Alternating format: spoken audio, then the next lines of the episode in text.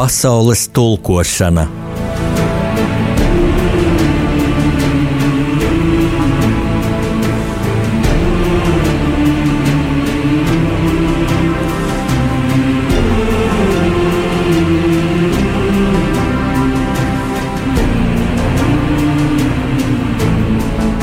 Studijā rakstnieks Jānis Udris.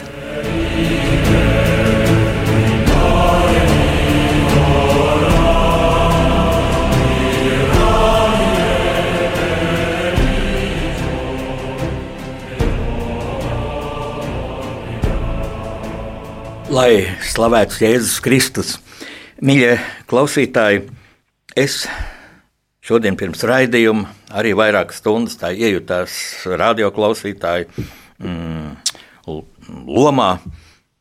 Un ar vienu acu paskatījos mm, televīzijas programmas. Un, ziniet, man uzkrita, ka nu, katrā raidījumā, katrā raidījumā ir koronavīrus, covid-19, pandēmija. No nu, vienas puses jau loģiski, ja tas ir, ir problēma numur viens, tā ir mums visiem kopā mm, risināma. Mm, atrisinām, pieveicam problēmu, bet nu, šoreiz manā raidījumā mēs par to nerunāsim. Es domāju, mūsu uh, pienesums jau ir bijis pietiekams. Es katrā raidījumā esmu atgādinājis, ka nu, nu, mana pārliecība mūsu Rādījām arī Latviju, visas saimnes dziļa pārliecība ir, nu, ka ir jāievēro šīs speciālistu rekomendācijas, šie noteikumi. Mēs to ievērojam, bet ziniet, kas man satrauc? Tas, ka uh, Mm, daudz cilvēku šodien nevar strādāt, viņi mājā kā, nu, tas ir loģiski, jā, tā, tā, tās ir, ir speciālistu ieteikumi un valdības rīkojumi. Bet es domāju, šis koronavīrus taču pāries un pāries. Es domāju, es ceru, ka pat ātrāk nekā vislielākie pesimisti to paredz, ir sākusies vakcinācija, sākusies daudz ātrāk nekā, nekā, nekā, jā, nekā daudz paredzēja to tagad, lai tas tiktu precīzi organizēts, bet problēma es redzu citu, vienu nākotnes problēmu. Vai mēs nebūsim kļuvuši liela daļa no mums par tādiem čīkstuļiem, pīkstuļiem, un vai mēs maz pratīsim atkal iekļauties darbā, pie tam ļoti intensīvā darbā, jo būs daudz kas jāatgūst, kas tagad ir zaudēts ar to. Nu, kaut vai es tā mm, loģiski domāju, skolēniem tomēr būs cītīgāk jāmācās, jo, protams, šī attālinātā mācīšanās nav tik pilnvērtīga kā, kā klasē sēžot un tiešā kontaktā ar skolotāju. Nu, lūk, daudz problēmas un tādēļ. Domājot par to, es uzaicināju studiju kādu cilvēku, kurš man imponē ar to, ka ir enerģisks, joprojām pilns ar idejām, mūžīgā laika trūkumā jauns cilvēks, kurš pie mums arī uz šo raidījumu atbraucās ar velospēdu un jau skatās pulksteni un tikko beigsies. Šī rakstnieka pārunu stunda jau drāzīsies tālāk īstenot savus projektus. Tas ir arhitekts Oto Ozols. Ievērojiet, lūdzu, Oto ar vienu T. Nejauciet, lūdzu, rakstnieku un publicistu Otto Ozolu, kuram tas ir pseidonīms. Šis ir Otto Ozols no dzimšanas. Dzimis rīznieks, dzīvo Kalnciem ielā, pie viadukta, cik es zinu. Un uh, ir neviena arhitekts, bet arī sabiedrisks darbinieks, jo tu, Oto, esi, ja es pareizi Atceros, ja pat divās tādās, nu, es teiktu, patriotiskās, lokāli patriotiskās rīznieku biedrībās. Viena ir pilsēta cilvēkiem, izlabo lūdzies, ko sajauc, un otra ir Āgenskalna apkaimes biedrība. Un man arī, zini, patīk tas, ka tu tur neesi teiksim, priekšsēdētājs, man no tā ir drusciņa bail. Ir ļoti labi priekšsēdētāji, bet viņi ir aizņemti ar papīra būšanām, tā, bet tu esi tāds darba rūcis un valdes loceklis. Ja? Zini, ko, un es tomēr pajautāšu tev tādu, mm, nu, zini, ko varbūt pat tradicionālu jautājumu, bet ļoti būtisku. Ko tev nozīmē Rīga? Ja es arī esmu dzimis Rīgā, man patīk, ja man kāds to pajautā, man nejautā. Tu tagad pasaki, lūdzu, ko tev nozīmē Rīga, tev arhitektam? Jā, paldies par pieteikumu. Ļoti tāds izsmeļošs un plašs. Jā, man Rīga ir mana māja vieta. Es tur dzīvoju, esmu dzimis Rīgā, visu laiku dzīvojis. Rīga man ir ļoti svarīga, jo, jo es te pavadu visu savu laiku. Un te dzīvo mani bērni, un viņi arī dzīvos cerams, nākotnē. Un, un man svarīgi, lai tā vide ap pilsētā būtu kvalitatīva, droša un tāda, kurā gribās uzturēties un pavadīt laiku. Tā lai Rīga salīdzinot ar mūsu apkārt pilsētām, ar Stokholmu, Helsinkiem, būtu līdzvērtīga tieši tādā vidas kvalitātē. Un tas ir iemesls, kāpēc es arī aktīvi iesaistos uh, apgājuma kustībās un, un uh, pilsētvidas aktīvismā, uh, lai, lai mainītu to veidu, kā mēs. Skatāmies uz pilsētu, pilsētu, pilsētu un kā mēs viņu plānojam tādā ilgtermiņā. Saki, un šīs divas biedrības, uh, Kāpēc divas, vai tā nav dublēšanās? Uh, nu, pilsētas cilvēkiem ir tāda biedrība, kura runā par tādām ļoti plašām tēmām, un, un par satiksmi, par, par uh, infrastruktūru, drošu infrastruktūru, satiksmes drošību, par um, ve, uh, velo infrastruktūru, par pilsētvidi, pagalmiem, mikrorajonos, savukārt tādā lokālā apgājuma biedrība, Agenskalna apgājuma biedrība vairāk runā par tādām jau detalizētākām lietām, kas ir pie mūsu mājām, kādus mēs, mēs apgājums, katrs apgājums iedzīvotājs labāk zina, kādus uzlabojumus uh, var veikt. Uh, savas māvietas tūmā. Tāpēc tādas apgājumas biedrības ir uh, vislabākās, kuras tiešām var arī pilsētai palīdzēt, uh, izstāstīt, ko tieši konkrēti vajag uzlabot katrai apgājumai. Tāpēc arī tāds, man liekas, foršs projekts ir šobrīd Rīgas domē līdzdalīgā budžetēšana kuras ietveros tieši uh, apgājuma biedrības var uh, izvirzīt tādas prioritātes. Vai mēs gribam sakārtot Agenskalnu tirgus uh, krustojumu vai kādu gājēju pārēju, vai, vai kādā parkā uzstādīt bērnu laukumiņu. Tas ir veids, kā mēs varam nodefinēt, ko mēs gribam, un tad uh, kolektīvi uh, ar balsošanu internetā mēs varam noteikt, ko tad mēs gribam uzlabot nākošajā gadā un ko vajag atvēlēt kādus līdzekļus kaut kādam konkrētam uzlabojumam. Un tieši to vislabāk izdarīt tieši apgājuma cilvēki. Un uh, apgājuma biedrības ir forši, ka viņas tagad ir radušās, ka katrā apgājumā būtu. Mums ir vairāk kā 50 apgājumas, un katrai apgājumai būtu jābūt biedrībai, un, uh, kur arī katra apgājuma iedzīvotāja demokrātiski pasaka, ko viņi grib, lai uzlabo. Tas ir brīnišķīgi. Jā, starp citu, vakar taču tika pieņemts Rīgas pilsētas budžets. Jā, jā Āgens Kalns noteikti, noteikti var priecāties. Jums ir divas lietas, par kurām mēs esam ilgstoši jau cīnījušies. Tā ir biblioteka, kurā bija pazudusi pirms pāris gadiem. Pat mums bija kādreiz pat vairākas, un tās visas ir pazudušas pēdējos gados. Un, uh, mēs tieši akti, aktualizējam to tēmu, ka mums nav tāds apgājums centrs, apgājums biblioteka, tāda vieta, kuru apgājums iedzīvot ar kājām, var aiziet līdz uh, bibliotekai, paņemt grāmatu vai aiziet pie interneta kāda, uh, atrast kaut ko internetā, kad ir pieeja, uh, pieeja datoram, uh, ka tāds vietas nebija. Un, uh, un uh, ir paredzēta budžetā līdzekļi nākošajā gadā. Un uh, vēl viena lieta, ko es arī pamanīju, ka Agenskalnā būs beidzot uh, jaunatnes dārzā uh, tiks atjaunots uh, bērnu laukumiņš, kurš arī bija pirms pāris gadiem pazudis. Kur ir šis jaunatnes dārzs? Tas ir pie uzvaras parka? Nē, jaunatnes, jaunatnes dārzs ir, uh, tā ir vieta, kur bija Zvirbulis, Agenskalna biblioteka. Ah. Uh, tas ir tas sparciņš, kas ir pie uh, Ernestīnas un, uh, un Melncēlijas krustojuma. Jā, un tā tad. Zvirbuļs, šī bērnu biblioteka, tā ir augšā kalniņā. Jā, ja? jā tieši es tā. Es atceros, jo es jau arī esmu gadus 30 bijis Āgānas kalna iemītnieks. Tagad vairs neesmu, bet ar sirdi esmu. Un mēs visi rādījām arī Latvijā atrodas Āgānas kalnā, mm, katoļu ģimnāzijas teritorijā un, un blakus Arkādijas parkam. Brīnišķīgs rajons, bet Manuprāt, šeit ir ļoti daudz ko darīt, un tāda interesanta procesa. Es taču piedalījos pirms gadiem, desmit vai piecpadsmit, kad pārdaugaus biblioteku metā ārā no telpām nometņu ielā. Ja? Nu, tur varbūt varēja saprast, ka tai mājai bija īpašnieks un prasīja laikam lielāku īres maksu un pārcēla uz šo bērnu biblioteka, tāda neglīta silikā ķieģeļa mājiņa, tur kalnā, starp citu, blakus manai mājai, kur es dzīvoju tajā laikā.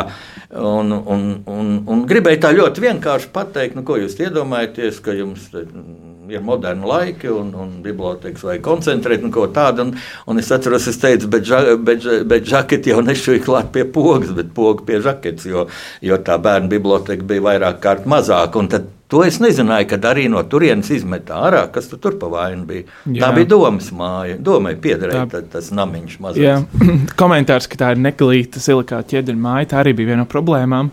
Jo tā pieder pašvaldībai. Piekrīt ka... man, jā. Uh, Kaut nē, nē, nē, uh, tā, tā ēka pieder pašvaldībai. Uh, un, uh, jā, tieši tā arī uz viņu skatījās. Neglīta silikāta ķieģeļa māja.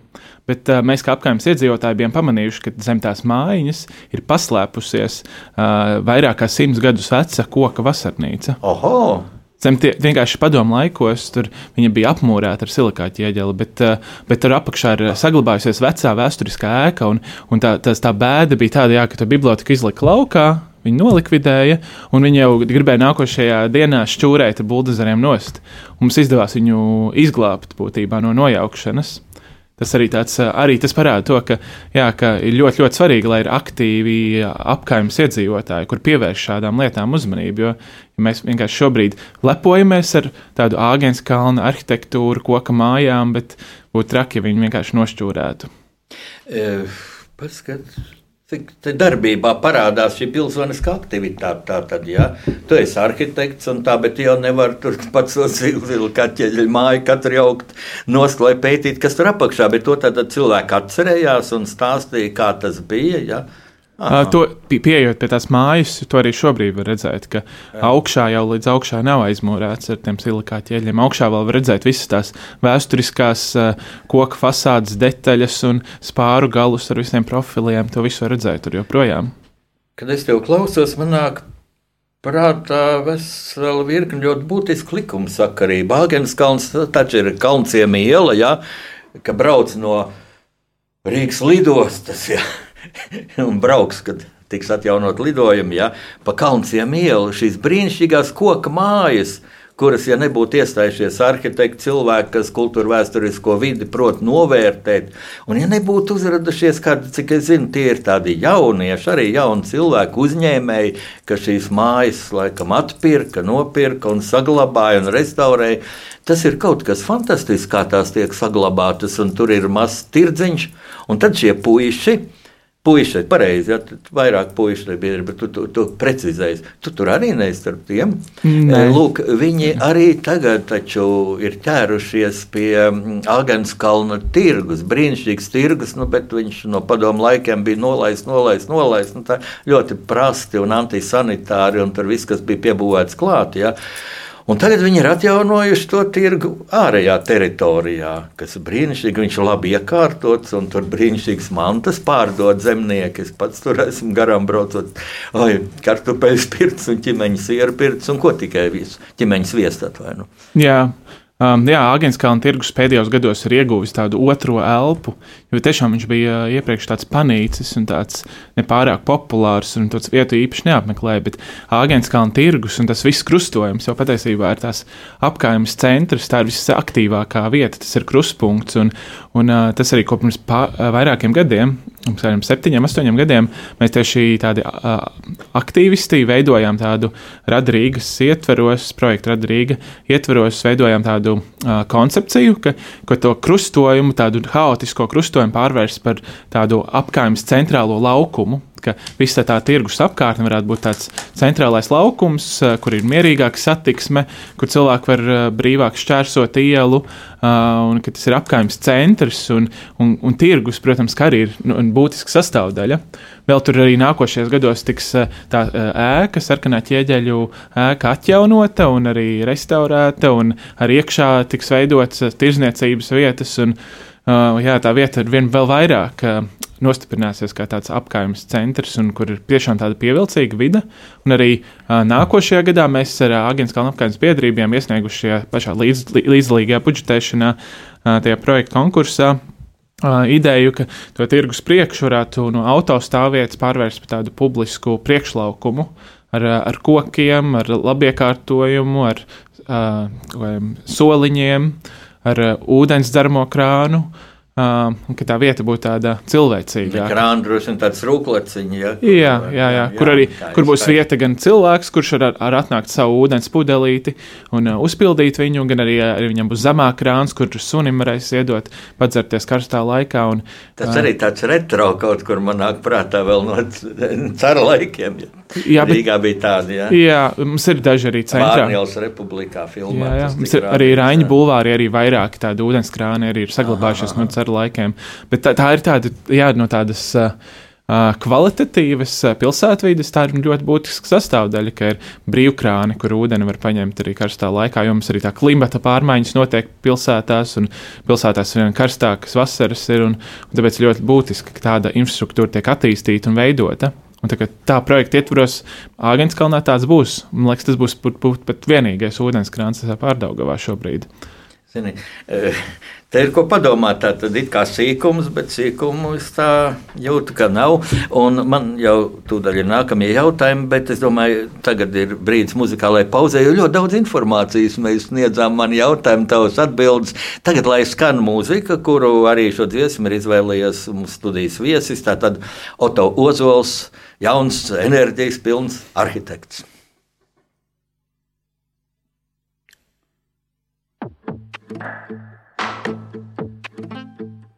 Starp mašīnām, motoriem, meitenēm. Uz ielu stūriem, kas salst starp rēcieniem, rūcieniem, smilpieniem.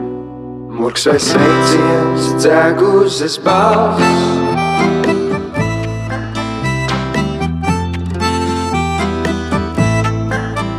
Ko tu jocīgā blandies pa pilsētu? Basām kājām pa sniegu, kas dzēnē tavs kuku par naivu šim gadsimtam. Tāpēc mēs viņu atmetām sen.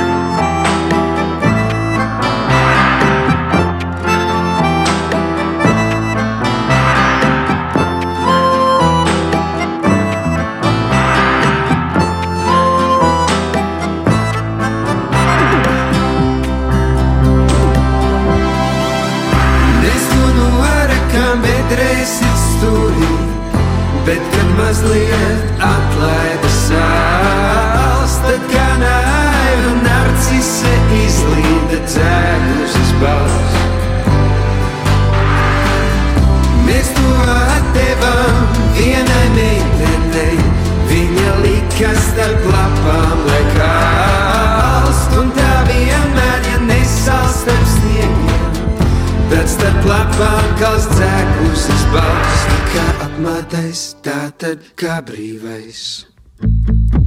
Garām uzrakstiem tirgus un cirks hali gali un šeika vietā vienu dzēkuzes balsi pirkt.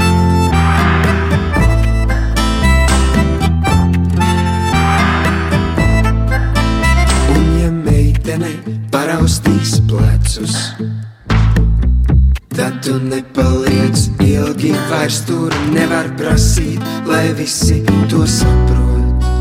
Ko tev nozīmē naivais kukurūks?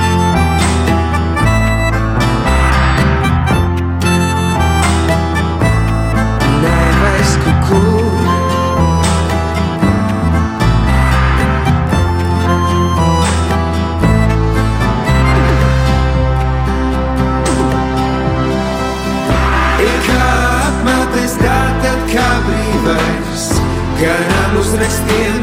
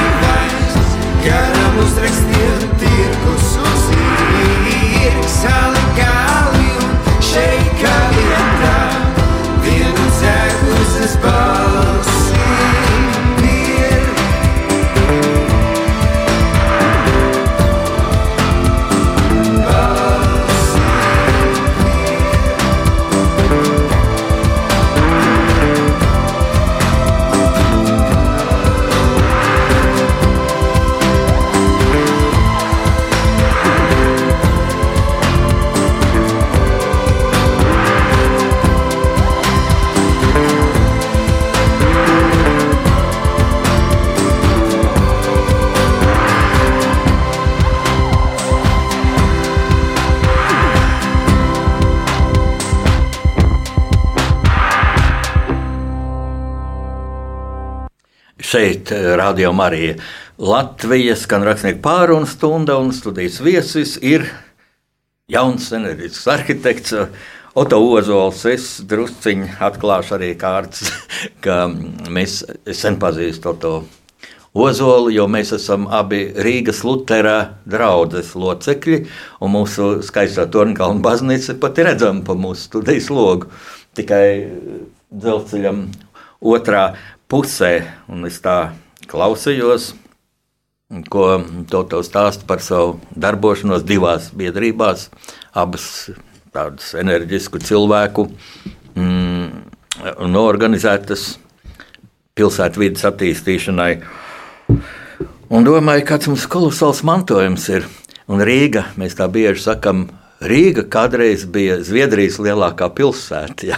Tas Zviedri brīnās, bet tā bija Rīga, bija lielāka tajā laikā, lielāka par Stokholmu. Tagad Rīga ir mūsu, mūsu atbildība. Ja? Ko tad Rīgas doma tādu vēl nolēma? Labu vakaru, jo tu teici, ka divas labas ziņas ir pieņemot Rīgas pilsētas budžetu. Jā, šī, šī gada pilsētas budžets nav tāds tas vislabākais, jo, jo ir ļoti jāsavelk jostas. Tāpēc arī tā, tās stāsts par kaut kādām ļoti lielām tādām investīcijām īstenībā nav. Tur ir vienkārši jāsaprot, ko var izdarīt ar to, kas mums ir pieejams. Bet, Jā, cerams, ka... Jāsvelk jostas dēļ koronavīrusa, dēļ pandēmijas. Bet arī, arī dēļ tā, kā. Arī, arī dēļ tā, kā vispār iepriekšējie Rīgas saimnieki ir saimniekojuši oh, līdz oh. šim.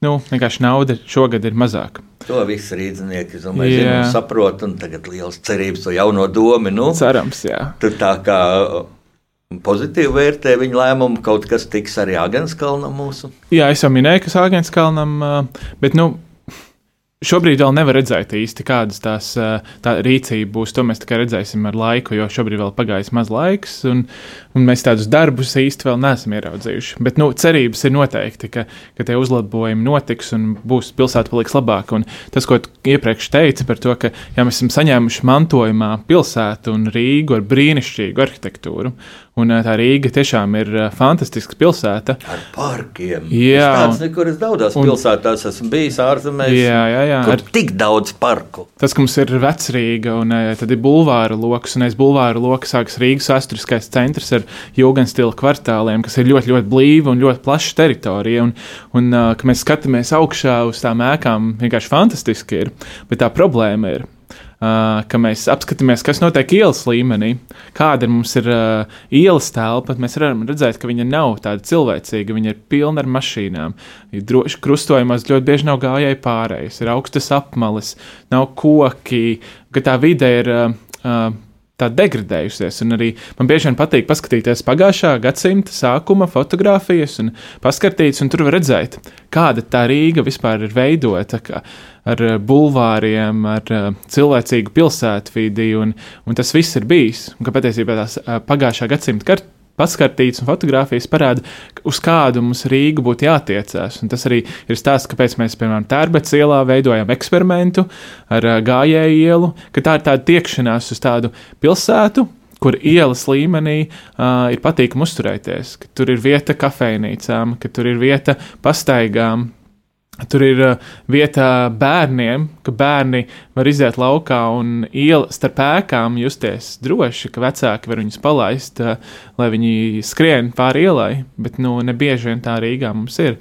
Un tas ir tas kāpēc mēs arī veidojam pilsētu cilvēkiem tādu biedrību, kur tieši runā par šīm problēmām un par risinājumiem. Galvenais, ka mēs iestājāmies par kvalitatīvu pilsētu un piedāvājam tieši tos risinājumus, kā to varētu veidot un panākt.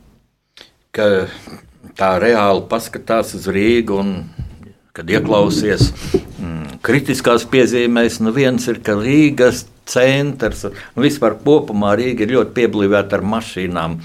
Un, un ja tā pavēro, visi brauc pa vienam, viens sēž pie stūres un brauc. Es saprotu, ja ģimene 4, 5 cilvēki brauktu mašīnā, nu tad tas skaits būtu it kā mazāks. Vai tad tiešām nebūtu saprātīgāk? Nu, es esmu bijis Seulā, pilsētā, kur neticami 20 miljoni iedzīvotāji. Varbūt tagad vairāk tu palabos, tad droši vien zini labāk. Ja? Un tur nu, tik traki tomēr nav. Un es redzēju, ka tur ierēģi klērki jau uzvalkos un, un ar slipsi brau, brauc uz skrejriteņa ja? ar, ar elektromotoriņu. Tobrīd vēl nebija tas skrejriteņa bums pie mums. Jau. Es tā pabrīnījos un es prasīju, vai viņš tā no kurienes viņš un kur viņš dzīvo. Bet viņa lielākā daļa arī dzīvo tālās nomalēs vai citās pilsētās. Tad atbrauc līdz uh, Seulas uh, nu, robežai, līdz nomalei, un tur ir daudz stāvu garažas, vai virzemes, vai zemzemes, un noliek tur. Un, un tālāk ar metro, vai, vai ar to skrejriteni, vai ar velosipēdu droši vien. Tā kā tu tur droši vien ar velosipēdu braukt, jā, izņemt no bagāžnieka mašīnai.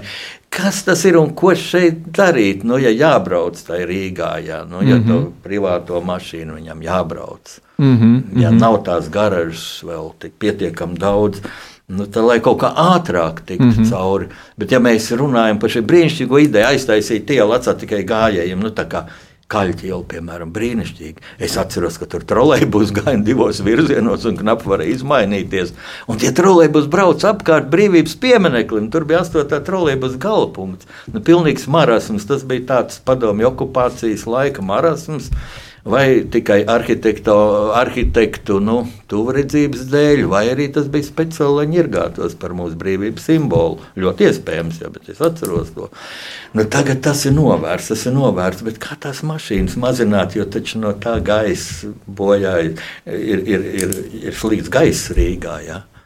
Jā, uh, par padomu laikiem un tādu pilsētu plānošanu īstenībā, jo mēs uh, iegūstam, uh, esam arī ieguvuši to mantojumā. Ja apskatāmies, kāda ir piemēram sta stacijas laukuma apkārtne, mēs varam redzēt, ka padomu laikos tur tika izrakti tuneļi. Ja mēs paskatāmies par Parīzi, Londonu, kur iedzīvotāju skaits un mašīnu skaits pilsētās ir ļoti liels, uh, tur tādu tuneļu nav. Mums sanāk, ka mēs atbraucam ar autobusu no, no Rīgas centrā, un vienīgais veids, kā cauri tunelim nokļūt uh, vecrīgā. Un, tā ir tāda lieta, no kuras mums būtu jāatbrīvojas. Un arī tas veids, kā padomu laikos, 50. un 60. gados Rīga tika pārplānota, viņa bija absolūti autocentriska.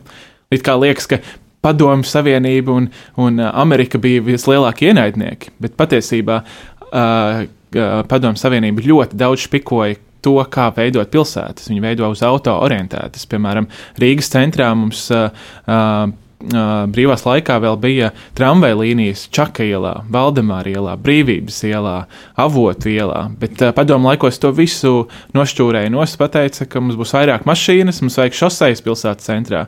Bija plāni arī tajā pašā Kalnciem ielā, vienā pusē nojaukt ēkas, lai uzbūvētu šoseju. Arī brīvības, brīvības ielā bija paredzēts nojaukt tur kvartālus, lai paplašinātu ielu, ka viss tāds uz auto orientēts tika veidots, un arī padomu laikos mēs pazaudējām krasmalas jo pirms tam Rīgai bija ūdens telpa ļoti piederīga blakus bija uh, kuģīšu piestātnes, un, un, uh, un tur notika tirzniecība pie ūdens, un apdzīvots ūdens malas, bet mēs to visu pazaudējām. Mēs vienkārši izbūvējām šoseis tajā laikā.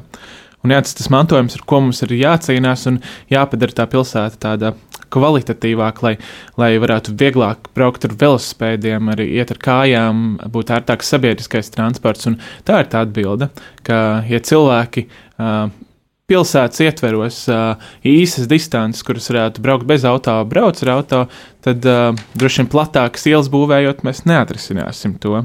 Un, jā, un es neesmu velosipēdists, bet esmu cilvēks. Un es pārvietojos ar dažādiem transporta veidiem. Sēžu ar kājām, braucu velosipēdu, braucu sabiedrisko transportu. Ja man jānokļūst laukos, tad ar mašīnu jābrauc. Ir. Un tieši tā atbilde ir dažādība. Ka pilsētai, tai pilsētas infrastruktūrai ir jābūt multimodālai. Lai cilvēki var kombinēt dažādus pārvietošanās veidus, un tas ir tas risinājums, kādā vajadzētu iet pilsētai. Uh, jā, padarīt to, lai uh, lai bērns uz skolu uh, varētu droši apgājums ietveros viens pats nokļūt ar kājām vai aizbraukt riteni. Tas nozīmē, ka vecāki būtu atbrīvoti no speciālas riņķošanas ar mašīnu, viņš varētu arī brīvāk savu laiku plānot, un, un pat bērns justos pilsētā piederīgāks, viņš justos uh, kā īsts pilsētnieks, kurš var lietot savu, savu apkārtni. Nu jā, tas ir stāsts par par tādu pilsētas mobilitāti. Ja skatās plašākā mērogā ar piepilsētām, tad arī Rīga jau nav unikāla, kā arī Uh, citur tā ir arī Helsinkos. Un, un, uh, viņam arī līdzīgi tā, ka ir piepilsētas plašas un pilsētas centrs. Uh, un, uh, tur viņi izmanto to dzelzceļu, ka dzelzceļš ir ļoti ērts veids, kā nokļūt pilsētas centrā. Mums Rīgā arī tāds ir, bet mēs to īstenībā neizmantojam. Uh, un, uh, un tāpēc vajadzētu veidot tādus stāvparkus, lai ar mašīnu tur atstāt, piemēram, Salaspilī, atstāt, piemēram, Cēsīs vai Siguldā vai Jūrmalā, atstāt savu mašīnu, bet uz pilsētas centru nokļūt vilcienu. Tas arī būtu risinājums tādiem piepilsētas iedzīvotājiem. Abrīnoja moto, kad, kad tu minēji dzelzceļu. Es atceros vēsturi, laiku, kad tu tu nebija vēl šajā, nebija vēl pasaulē. Ja? Tas bija laiks, kad uh, bija šis projekts padomju okupācijas laikā būvēt Rīgā metro. Ja? Un tas nu, Rīgas saimnieka Alfreda Rubika tā doma vispār bija loģiska, ja? jo to metro būtu būvējuši par PSRS līdzekļiem. Teiksim, man nauda nāk no Maskavas, ne no Rīgas budžeta. Ja? Protams, tauta protestēja, un es pats piedalījos tajos protestos. Un protesta mītīņš bija tepat blakus Arkādijas parkā, kur starp citu bija estrāde. Pēc tam viņi nodega, un tagad nav tā estrāde vairāk. Tur tika rīkot koncerti. Un bija protesta mītīņš, jau tauta sauca metro, retro, nostāra metro un tā tālāk. Bet kāpēc? Galvenais jau bija tas, ka nebija Rīgā darba spēka, kas to metro būvētu, un atkal būtu iepludināti imigranti, un, un viņš šeit paliktu. Un tad es vēl atceros tādu folkloru jauniešu, kas protestēja, patriotiskie jaunieši. Viņi, Viens iznāca fufai, kā šito celtnieku cepuru un krievi skaitīja tādu pantiņu, mi postrojam vam metro, dajte toļko nam žiļo, pļavenieki, ķēngaraksi pļavnieki, zasaļimsi mina veki. Tas ir mēs jums uzbūvēsim metro, dodiet tik mums dzīvokļus un pļavniekos un ķēngarāgā un kur tur vai zolitūdē mēs uz visiem mūžiem apmetīsim. Tas bija tas, jā. Tagad, ja tā padomā, nu, kas būtu bijis, ja tas metro būtu uzbūvēts, man teikuši, tā būtu Rīgai nelaime, jo viņš būtu ārkārtīgi dārga eksploatācija. Viņš būtu arī bīstams, jo tā grunta te ir smilts un pazemes ūdeņi un kas viss. Ne, tas būtu ļoti dārgi un, un tas būtu jāapmaksā un nezinu, vai nevajadzētu viņu slēgt. Um, nu, tā ir vēsture. Bet, bet e, viens no protestu veidiem arī bija, ka speciālisti, mm, e, nu, racionāli domājoši cilvēki, patriotiski domājoši cilvēki, izvirzīja alternatīvas priekšlikums. Un lūk, kāds eh, dzelzceļa speciālists teica, ka mums Rīgā ir unikāla dzelzceļa šī, infra, šī struktūra, kas iet cauri, savieno visu pilsētu. Piemēram, no Imantas var aizbraukt uz Juglu vai, vai kur tikai ko vajadzētu. Nu, protams, tad citas vagonus zemes, lai nav jālien kalpinistam augšā, tur, ka veci cilvēki nemaz netiek tajā vagonā iekšā, kā tie tagad ir. Vai, teiksim, peronus, nu tā, lai cilvēks var ērti iekāpt. Ja? Mm -hmm. nu, tā kā tagad eh, tajos modernajos Rīgas tramvajos, ja tos, kas ir tam platajām durvīm. Uh, Lūk, kā tu skaties, tavu kolēģi arhitektu, šo projektu, ja attīstīt šo rī, dzelzceļu Rīgas ietvaros. Ja pasaskatās, ak, Dievs, kā tas ir sazarots. Diez vai vēl kādā pilsētā jā, jā. atradīs to. Tieši tas, ko es tieši minēju. Bagātība. Tieši to es arī minēju, jā. Ka... Tur reiz stundā varbūt viens vilciens aizbrauc vai divi vilcieni dienā, bet tur varētu tik pa 15 minūtēm. Jā, jā, bet tie jau arī ir plāni, reāli plāni. Arī satiksmes ministrija grasās iegādāties jaunus vilcienus, kur būs ar zemu grīdu, tiks pārbūvēts tā, uh, peroni, lai, lai tiešām tā iekāpšana būtu ērtāka, ātrāka, lai vilcienam ilgā, īsāku laiku laiku vajag pavadīt pieturā, viņš kļūtu efektīvāks un arī pievilcīgāks. Arī mēs skatāmies, kā notika Igaunijā, ka viņi nopirka jaunus vilcienus, arī pasažieru skaits palielinājās. Un, uh, un tas pats arī notiks Latvijā un Rīgā. Un, Rīgas tas pluss ir, jā, ka mums ir tas, ko jau minēju, ka mums ir tāda stacija, centrālā stacija, kurai brauc vilciens cauri. Piemēram, Londonā, Parīzē ir ļoti bieži arī tādas stacijas, kur vilciens iebrauc kā tupikā un viņš netiek laukā. Viņam jābrauc pa to pašu ceļu atpakaļ. Savukārt mēs varam savienot Juglu ar Imantu vai Ķēngaragu ar uh, vec, vecmīlu grāvi. Mēs varam ļoti forši to visu saplānot tā, lai tas uh, vilciens ir kā tāds uh, mugurkauls, uh, uz kura, uz kura asējās virsū tieši tie mikromobilitātes pārvietošanās veidi. Attiecīgi, tas, ka tu pēdējo jūdzi līdz. Nu, atbrauc ar vilcienu, un to pēdējo jūdzi līdz savam galamērķim var nokļūt ar velospēdu vai ar skrējriteni, vai ārt pārsēsties uz citu transporta veidu, un tas arī veido to uh, dzelzceļu vēl pieejamāku. Nu, brīnišķīgi. Skaisti pasakot, ideja, un tev jau ir izcinājums. Tas ir ļoti cerīgi. Es domāju, šis ir īstais brīdis tagad. Na, otru dziesmu noklausīties, ko izvēlējās mūsu studijas viesis Oto Ozols.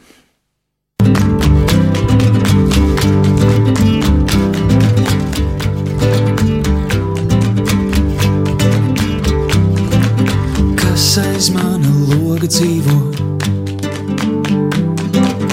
Kas aiz mana loga mirdz. Viena melna bezdelīga, viena ļoti nogurusi sirds.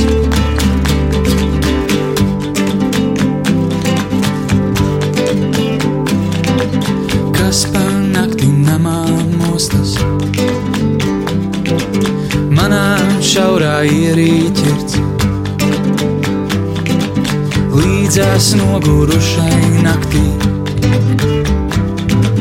Viena ļoti nogurusi sirds, viena ļoti nogurusi sirds. Mosties, mana sirds, mosties, mana sirds, mosties, mana sirds mosties, mana sirds.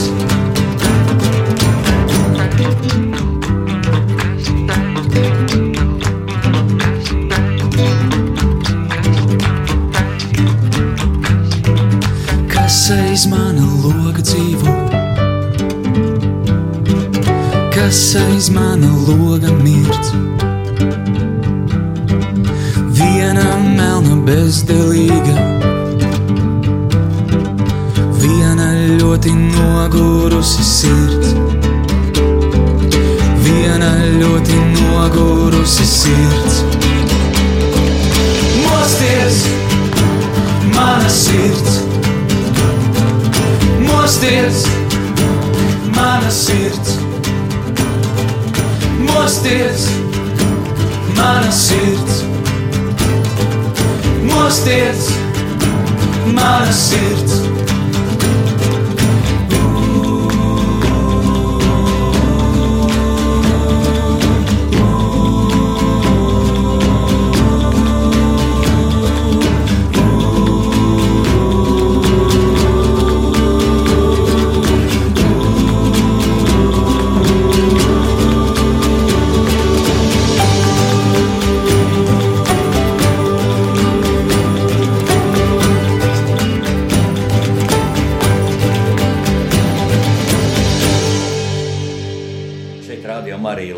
Rakstnieku pārunas stundas viesis ir arhitekts Oto Ozols un visus mūsu klausītājus interesē Rīga. Ir jautājumi. Uh, lūk, viens jautājums ir par Māras ezeru.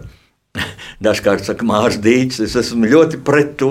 Manā romānā uh, Ivana Kājas iet zelme, kur aprakstīts, aprakstīts šī vieta. Arī manā romānā par Zifrīdu Hanu Mierovicu arī aprakstīts Arkādijas parks, kā, viņš, kā viņi iemīlējušies staigāja. Un visur es konsekventi lietoju Māras ezers Kaut pat turistu ceļ, ceļvežos lieto vārdu dīķis, bet pirmkārt, kur jūs esat redzējuši tik lielu dīķi, un dīķi taču ir stāvošs ūdens. Ja, dīķi. Bet um, Māras ezeram cauri tek Mārupīt, viņš sāks no Mārupītes un beidz ar ūdenskritumu. Šeit pie pašā Arkādijas parka ar ūdenskritumu, kur katreiz atradās Māras dzirnavs, tā kā teiksim Māras ezers. Un lūk jautājums, ko mēs saņēmām, kā ar šī Māras ezera apkaimi, kas ir tik skaista, es šeit pilnīgi piekrītu piekrītu, bet ļoti, ļoti klusa. Eh, es atceros, kādreiz te bija peldētava un pat laiviņas bija, un es savu meitiņu, ka viņa bija maza, eh, vizināju pa, pa šo ezeru. Varēja izīrēt laiviņas. Tagad nekā tāda nav. Vai jūs, arhitekti, ko paredzat šeit?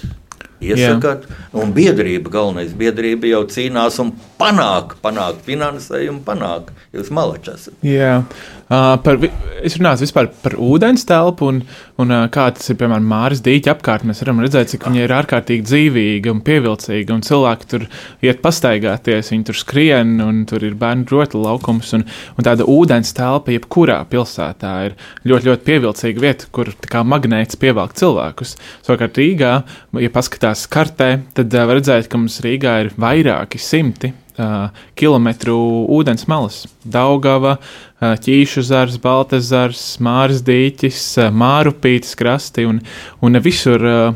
Īsumā Daugavi cevišķi reti, kur, kur tiek izmantot tā ūdens telpa, ka viņa ir tāda nepieejama un nepievilcīga. Tas, ka ūdenī, Daugavā nav kuģīšu piestātnes, ūdens transports arī mums nav, netiek izmantots. Un, savukārt, ja paskatās arī kartē um, ziemeļu daļu pilsētā, tad redzēt, ir Balderāja, Daugaugrīva, savukārt otrā pusē ir Vecmīlgrāvs, Sarkandaugava, un, uh, ja mēs saskaitām tos iedzīvotājus, mēs varam redzēt, ka abās Daugavas pusēs dzīvo uh, tāds ievērojams iedzīvotāju skaits, kas būtu līdz, līdzīgs kā vienā vienā pusē būtu Valmiera un otrā pusē būtu Cēsis iedzīvotājs skaita ziņā.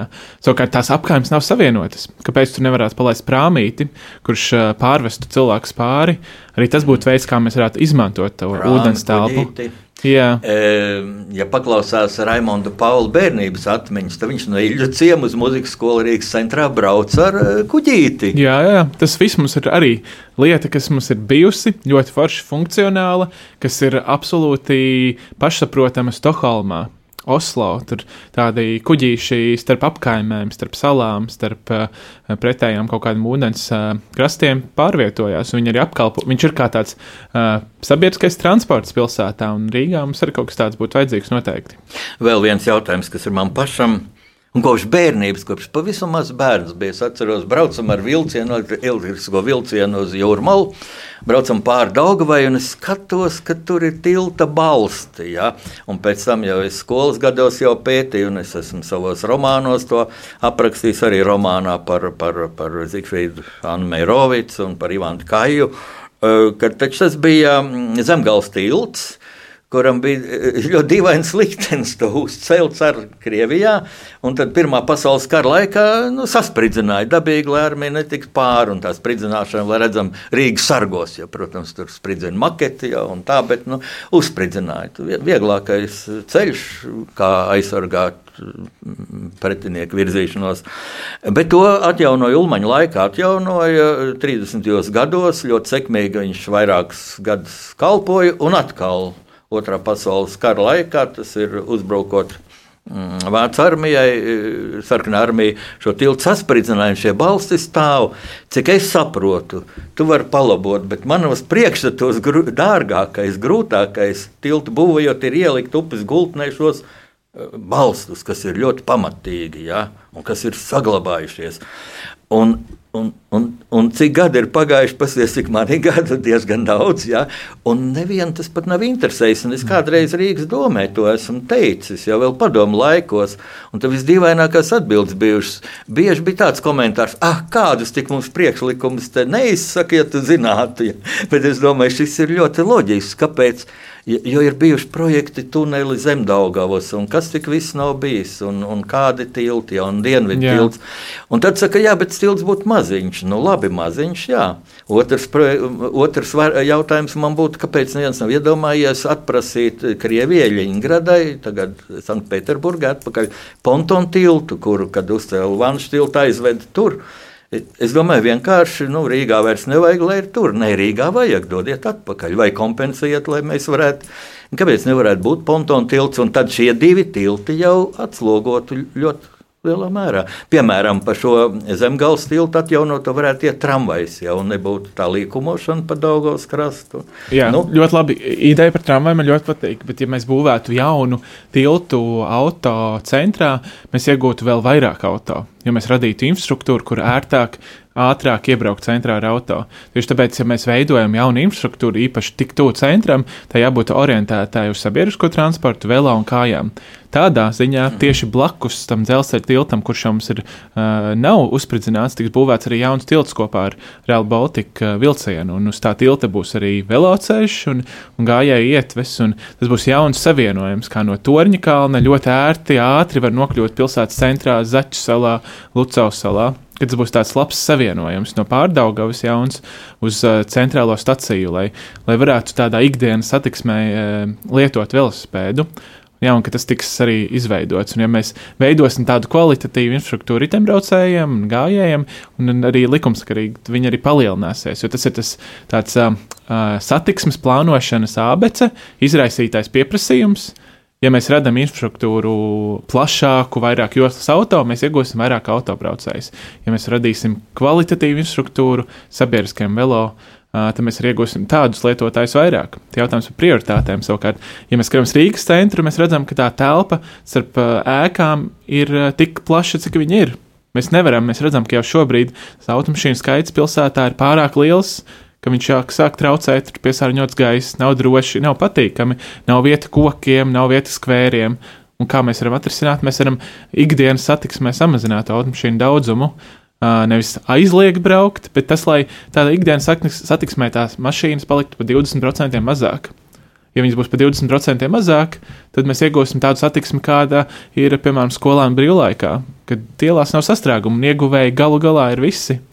Un, uh, tas jau tas mērķis nevis ir aizliegt kādam, bet radīt apstākļus, lai ērti ir visiem gala galā. Es iedomājos, tajās tevi skatoties mūsu pulta pult otrā pusē, ja tagad mūsu rīcībā būtu televīzija, tad daudzi mm, skatītāji teikt, ah, es to jaunekli diezgan bieži esmu redzējis televīzijā, pēc tam tādās neordinārās situācijās. Un man arī nāk prātā, piemēram, reportāžā, ka bija šī kampaņa par, par Marsiņu, ja par Marsa pārku, ja bija šo velotreku, kur es bērnībā gāju skatīties, ak, Dievs, velo sacīks, un tur motociklu sacīks arī bija. Pilnīgi fantastiski. Tas treks bija ļoti stāvs un, un, un pat kartīgreiz tur brauca. Un, Kāpēc to nojauc? Nu, ja viņš bija sapūcis, vai kāds taču varēja remontēt, un tā, kāpēc nebija šī interese, vai tur bija īpašuma tiesības, bet nu, parku taču vajadzēja atstāt. Nu, šo cieņu, cīņu jūs nu, zaudējāt. Ja? Tur bija strateģiskie plāni. Tā, tā kā pie tā varbūt nu, nu, kas pagājis, pagājis, bet tad otra epizode. Es skatos, es kādreiz arī ļoti mīlēju ar smailīti braukt. Man bija sapnis izbraukt par Rīgas kanālu un kaut ko tādu, bet nu, līdz tam es netiku. Vēl varbūt viss ir priekšā, bet es esmu izbraukājis ar smailīti visas Latvijas upes, lielās, mazās, ja? nu, mazās tādas, kur līdz ceļiem ūdens pat. Un, Un pēkšņi es vienreiz skatos, ka tu brauc kaut kur vecmīlgrāvī, brauc ar smailīti. Tas tiek filmēts, un tu iestrēgsti kaut kādā dar darbas un dubļu peļķē, ja un izkāp ārā un komentē. Un tad es iedomājos, es zinu to vietu, es domāju, kas tas ir kaut kur rūpnīcām, kas tagad stāv, kas nedarbojas. Tur kaut kā baļķus pludināja, un kaut kāda darba bija sagāzta iekšā, kaut kas tāds. Kā, kā tu to skaties? Tas arī bojā vidi un veselību, tur ir slikts gaiss, bet ir, to, ir paredzēts vai ir iespēja to iztīrīt, lai tiešām tie būtu tādi kanāli vai dabīgās nu, straumes, mm -hmm. pa ko varētu jā, ar laiviņu braukt vai makšķerēt. Mm -hmm. nu, cilvēku, lai justos tuvāk dabai. Jā. Tas bija tāds jā, interesants piedzīvojums. Mēs ar uh, laivu, ar tādu smailīti braucām no Andrejas salas. Mēs mēģinājām aizbraukt uz Sarkandaugavu, un tas ir iespējams. Jo, jo tās ūdens ir iespējams. Kārtē ir ļoti iespējams, jā. Bet savukārt tas, tas sarkandaugavs viena atteka, kura reāli tur tie apkaimē iestiepjās diezgan dziļi, viņa ir padomu laikos, kad bija tur rūpniecība, tad tur tika sagāzt iekšā kaut kāda nafta un visādas ļoti briesmīgas lietas, un, un tas viss tur ir stāv, tā ir piesārņota vide. Savukārt, lai iztīrītu, tas ir ļoti, ļoti dārgs process. Tas ir Tas tāda jā, tīrīšana izmaksā vairāk desmit, vairāk desmit miljonu apmērā. Tas ir dārgi, bet uh, tas arī tas stāsts, ko es tieši minēju par ūdens telpas uh, pievilcību un uh, izmantošanu. Un tādā ziņā tāda sarkandaugava ir pelnījusi, lai, lai tā sarkandaugavas ateke ir ar tīru ūdeni, ar labiekārtotām malām, ar, ar iespējams ar kuģīšu piestātni, un lai no sarkandaugavas uz Rīgas centru varētu nokļūt ar kuģīti un nesāžot sastrēgumā. Es skatījos to televīzijas reportāžu, tādu tiešām visu atzinību. Un man nāca prātā tāda bērnības epizode, ka līdzīga aina bija Duntes ielā pretī slavenajam traumatoloģijas institūtam. Jā. Mm -hmm. Bija tāda situācija, ka man brālītis bērnībā tur gulēja tajā institūtā, un ka vecāki aizbrauca viņu apraudzīt, un tam vajadzēja sēdēt mašīnā. Mums bija tas kārlīts, ja, un, un tur tāda pļaviņa, un tajā krastā. Un es vienreiz iedomājos, piet pie tā ūdens. Un es kaut kur līdz potītēm iegāzos, iegāzos darbā. un tad es bērns būdams iekāpu mašīnā, un tas kājas laucīja pret grīdu mašīnai. Nu, man, protams, rāja, ka tā nu, nevajag darīt, bet tur ir sakārtots, jo tur tās abūs gabali, saprotu, ir dārga, un tur ir mājas sabūvētas un ar kaut kādas. Iestādes. Pie Dunkas ielas, man liekas, tā ūdens telpa ir vispār pazudusi. Viņa pazudusi, ir aizbērt, jā. Bet viņa aizbērt ciet. Jā, tas, tā, tā tādas ir. vietas ir ļoti daudz. Arī, arī krastiela, kur šobrīd e, visas tas molas, iepirkšanās centrs, Lido. Tur jau kādreiz arī bija ūdens. Tur tā, tika aizvērtas tās ūdens telpa un uzbūvēta šoseja pāri tam visam. Jā, tā tad aizbērt ir vieglāk. Jā. Varbūt, varbūt arī. Nevajag aizbērt. Nevajag tomēr, jā. Es pilnīgi nu, noteikti. Nu, šobrīd jau domāju, tie līdzekļi nav tie tie, tie desmit miljoni, vai cik tu minēji. Jā, nu, nu, Gai, gaidīt. tas ir laika, laika jautājums. Labāk, lai tā ūdens tiltne tur ir, bet viņu gan jau ātri, agrāk vai vēlāk atja, sakārtos. Nu, būs pieejams finansējums, to izdarīs. Bet, savukārt, ja aizver to vietu, apbūvē, tad viņi ir pazaudēti mūžīgiem laikiem. Jā, es domāju, tāda īpatnība tavās ļoti interesantajās atbildēs. Ja, kad ļoti strateģiski, ja šeit ir dzelzceļš un, un tādas lietas, un reizēs sīkumi, kā, kā tu kā cilvēks to visu tā var aptvert. Es tev vienu sīkumu pateikšu vēl par to zemgāles tiltu, ja kāpēc man uzkrita un vēl no bērnības. Ja, man faktiski kā rīzniekam tas sāp, tie tilta balsti. Tāpēc, ka viņi arī desmitiem gadus stāv nesakopti. Ja? Jo taču, nu, tas nekas kā upes vidū, bet vējš nesā sēklas, un tur aug kaut kādi bērziņi, pie tam sānos ieauguši un kaut kas kroplis. To vajadzētu vai nu notīrīt, vai es domāju, pat tur kaut kādas artefaktus, kaut kādas skulptūras. Tur jau šobrīd ir skulptūras uzliktas. Es tam neesmu braucis pāri ar dzelzceļu. Tur ir, nu, paldies Dievam, redz atkal. Es domāju, nu, mēs domājam vienā virzienā, es domāju, jūs darat, jā. Ja? Tas ir brīnišķīgi. Cik nozīmīgi ir šādi nu, idejas priekšlikumi no rīzniekiem? Pilnīgi noteikti, jo uh, mēs rīznieki jau esam tie, uh, kuri veido pilsētu. Tas nozīmē, ka mūsu viedoklim ir uh, ļoti liels svars. Mēs, mums vienkārši jādalās ar tām idejām uh, un jāpieprasa, jo, jo, jo mēs veidojam pilsētu, jo tā pilsēta pieder mums. Tāpēc ir ļoti, ļoti svarīgi, lai pilsētnieki ir pēc iespējas aktīvāki un, un prasīgāki pret, pret to, kādā, kādā vidē mēs dzīvojam. E, tu atbrauc uz mūsu raidījumu ar velosipēdu. Ja? Mm, vienkārši tas ir ērtāk un ātrāk, ja kaut šodien slīdens un, un sniegs vēl ir un viss tu atbrauc. Ja. Drošāk ir ar, braukt ar riteni, jo, oh. ja tur kājām ej, tu esi uz divām kājām. Savukārt ar riteni, tad tev ir trīs saskares punkti, divi riteņi un vēl trešā kāja. Tad īstenībā ir diezgan stabili braukt. Aha, paskaties, kā. Nu, lūk, bet kā tu riteņu braucēju situāciju Rīgā vērtētu? Jo Es dzirdu daudz kritikas, un es tai pievienojos. No otras puses, tā mūsu pilsēta jau ir tāda, ka reta kurā ielā varētu tā droši izdalīt riteņbraucēju celiņš. Ja pat... Brīvības gatvēja kaut kur nesen. Ja mēs paskatāmies, traģisks gadījums, jā. kur nobrauc uz riteņbraucēju celiņa jaunu sievieti, mm. kur brauc jā, pa savu celiņu. Tā ir. Nu, Tieši tas nu, ir, ir nu, iemesls, kur vēl kāpēc, tālāk. Kāpēc ir vajadzīga droša infrastruktūra, tieši lai tādi negadījumi nenotiktu. Un, un tādi negadījumi notiek katru gadu, un tieši tāpēc mums ir jāattīsta droša velo infrastruktūra. Un, ja mēs paskatāmies arī vēsturē, tad uh, 30. gados Rīga bija vienkārši velo metropole.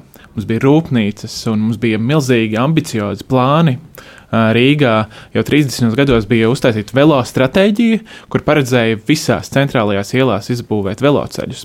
Tika plānots jauns tilts, apmēram tur, kur ir Vanšu tilts, un uz tā tilta jau tika paredzēta tramvaja līnija, un arī jau 30. gados tur bija paredzēti abās pusēs divmetrīgi veloceļi.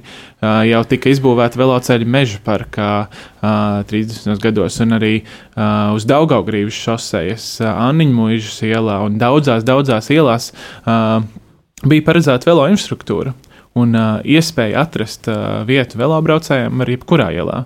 Vienkārši tās ir par prioritātēm.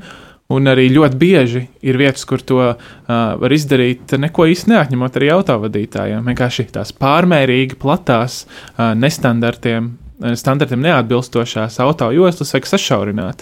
Attiecīgi, ja mēs izveidojam trīsmetrīgas autojostas, mums ir vieta arī velobraucējiem, un to visu var izdarīt. Kaimiņu pilsēta Viļņa to dara ļoti, ļoti strauji. Viņi uh, viena gada laikā izdara vairāk nekā, nekā mēs uh, pēdējos desmit gados, un tas tās prioritātēm to visu var izdarīt. Šo sarunu par Rīgu varētu klausīties un klausīties, bet pulkstenis, bet laiks iet. Un, un, uh, Es domāju, mēs vēl kādreiz tiksimies mūsu studijā ar arhitektu Oto Ozolu. Es gribu rezumēt tevis teikto to tā, ka jaunais bieži vien ir labi aizmirsts, labs jaunais ir aizmirsts vecais. Tas, ko tu teici par 30 gadiem, es arī esmu redzējis šos projektus, apbrīnojis tos, domājis, kāda būtu Rīga, ja nebūtu šie padomju okupācijas gadi bijuši. Nu, tagad kārtas ir mūsu rokās. Lai tev veicas. Oto Ozols ir divu biedrību valdes loceklis. Es teiktu, divu patriotisku biedrību. Viena ir pilsētas cilvēkiem, otra ir Agnēs Kalna apkaimes biedrība, lai Dievs jums palīdz jūsu dižajos darbos un lai veiksmīgs jaunais gads. Mīļie klausītāji, tas bija rādījuma arī Latvija rakstnieku pārunu stundu, lai Dievs jūs svētī un sargā.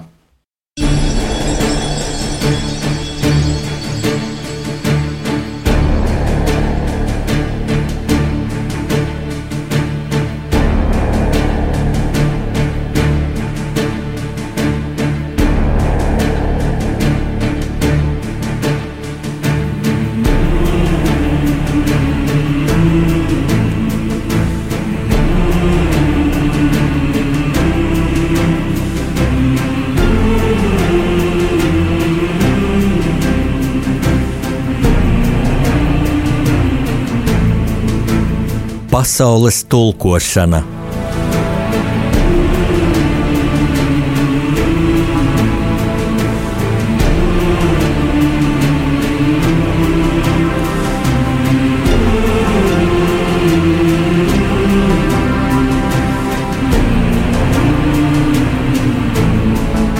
Studijā rakstnieks Jānis Udris.